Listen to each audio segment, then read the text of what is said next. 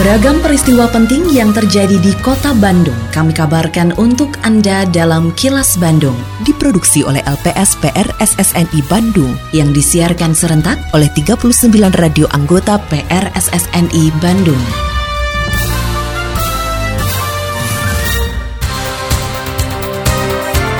Sejumlah informasi aktual kami hadirkan untuk Anda dan inilah informasi utamanya roda pemerintahan dan pelayanan publik Kota Bandung tetap berjalan. 285 warga Bandung ikut mudik gratis Pemkot Bandung. Subsidi bahan pokok menyasar rumah tangga miskin. Saya, Santika Sari Sumantri, inilah kilas Bandung selengkapnya.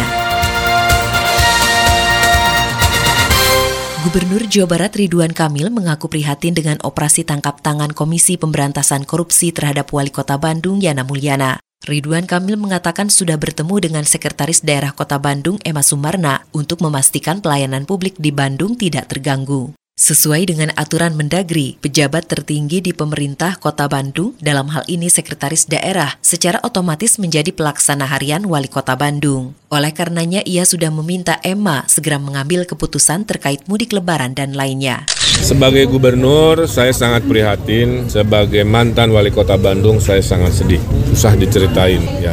Perasaannya sebagai kedinasan sangat prihatin. Sebagai pribadi yang dulu ngurusin Bandung mereformasi begitu rupa, sangat-sangat sedih. Saya tadi ke sana juga menitipkan pelayanan publik warga Bandung insya Allah tidak akan terganggu karena sudah saya arahkan Sekda Kota Bandung Pak Ema untuk segera mengambil keputusan apalagi menjelang-menjelang mudik lebaran butuh koordinasi lapangan yang luar biasa jadi insya Allah tidak akan terganggu. Saya sudah konsultasi ke Pak Mendagri sementara per sementara sesuai aturan PLH-nya Pak Sekda yaitu posisi tertinggi di birokrasi.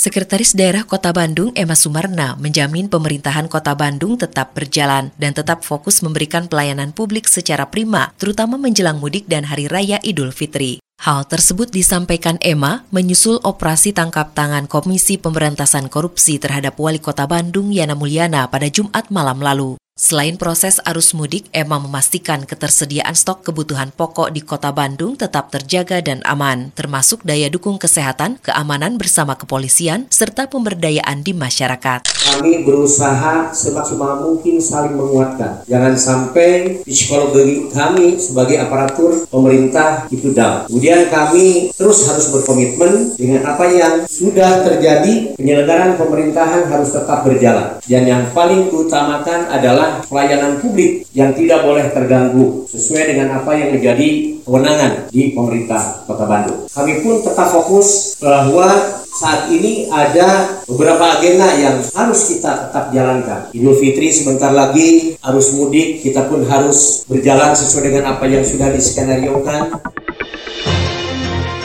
Suara DPRD Kota Bandung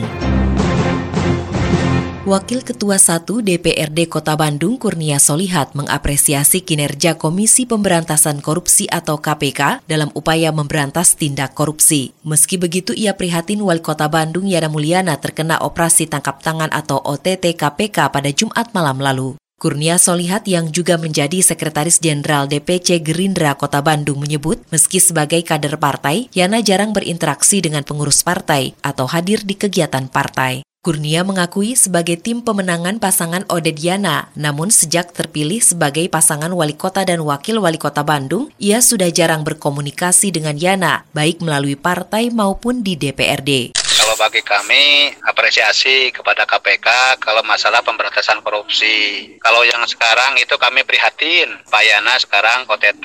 Untuk urusan hukum eh, kita tidak ada intervensi, silakan KPK yang laksanakan sebaik-baiknya. Kalau bagi kami memang sekarang ini juga kan Pak itu sudah sudah susah juga berhubungan dengan kami ya. Sejak kami jadi pengurus DPC tidak pernah bisa bertemu. Kita minta waktu juga tidak tidak pernah bertemu, tidak pernah dikasih waktu. Sejak Desember kemarin 2022 kan saya menjadi uh, pengurus DPC kan. Jadi kalau kalau sebagai apanya nanti uh, eh, DPP lah yang menentukan. Cuman dengan kami pun kami selama ini tidak bisa bertemu, susah untuk bertemu. Kegiatan-kegiatan DPC pun kan uh, diundang waktu ada sekjen tidak pernah hadir. Ulang tahun Gerindra kita undang tidak pernah hadir. Jadi apakah itu seperti seperti itu kader Gerindra bukan, itu aja lah.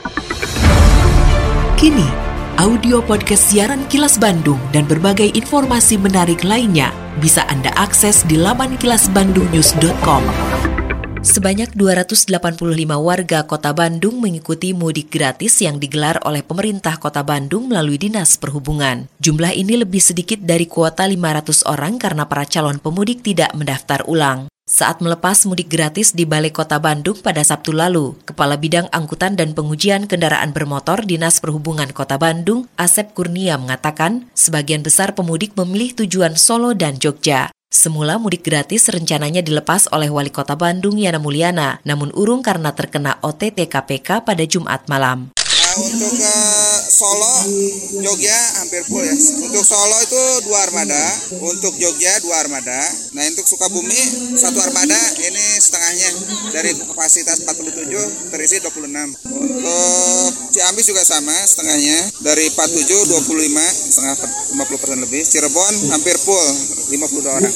Asalnya full semua, cuman pas per, apa di online itu eh, pas registrasi gak pada registrasi gitu. Harusnya kurang lebih 500 lah.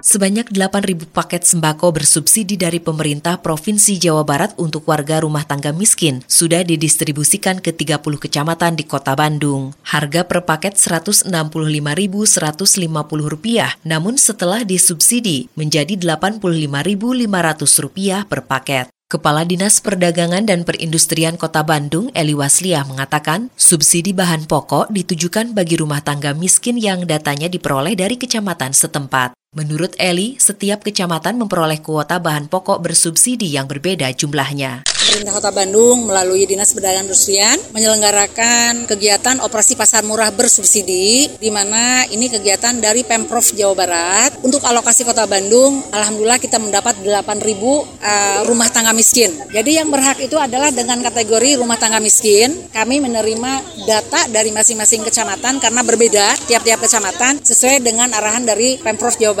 Sumur Bandung dan Kecamatan Bandung Wetan dibagikannya hari Senin langsung rencananya di Kecamatan Sumur Bandung sebanyak 209 penerima dan uh, rencananya Bapak Gubernur yang akan menyerahkan.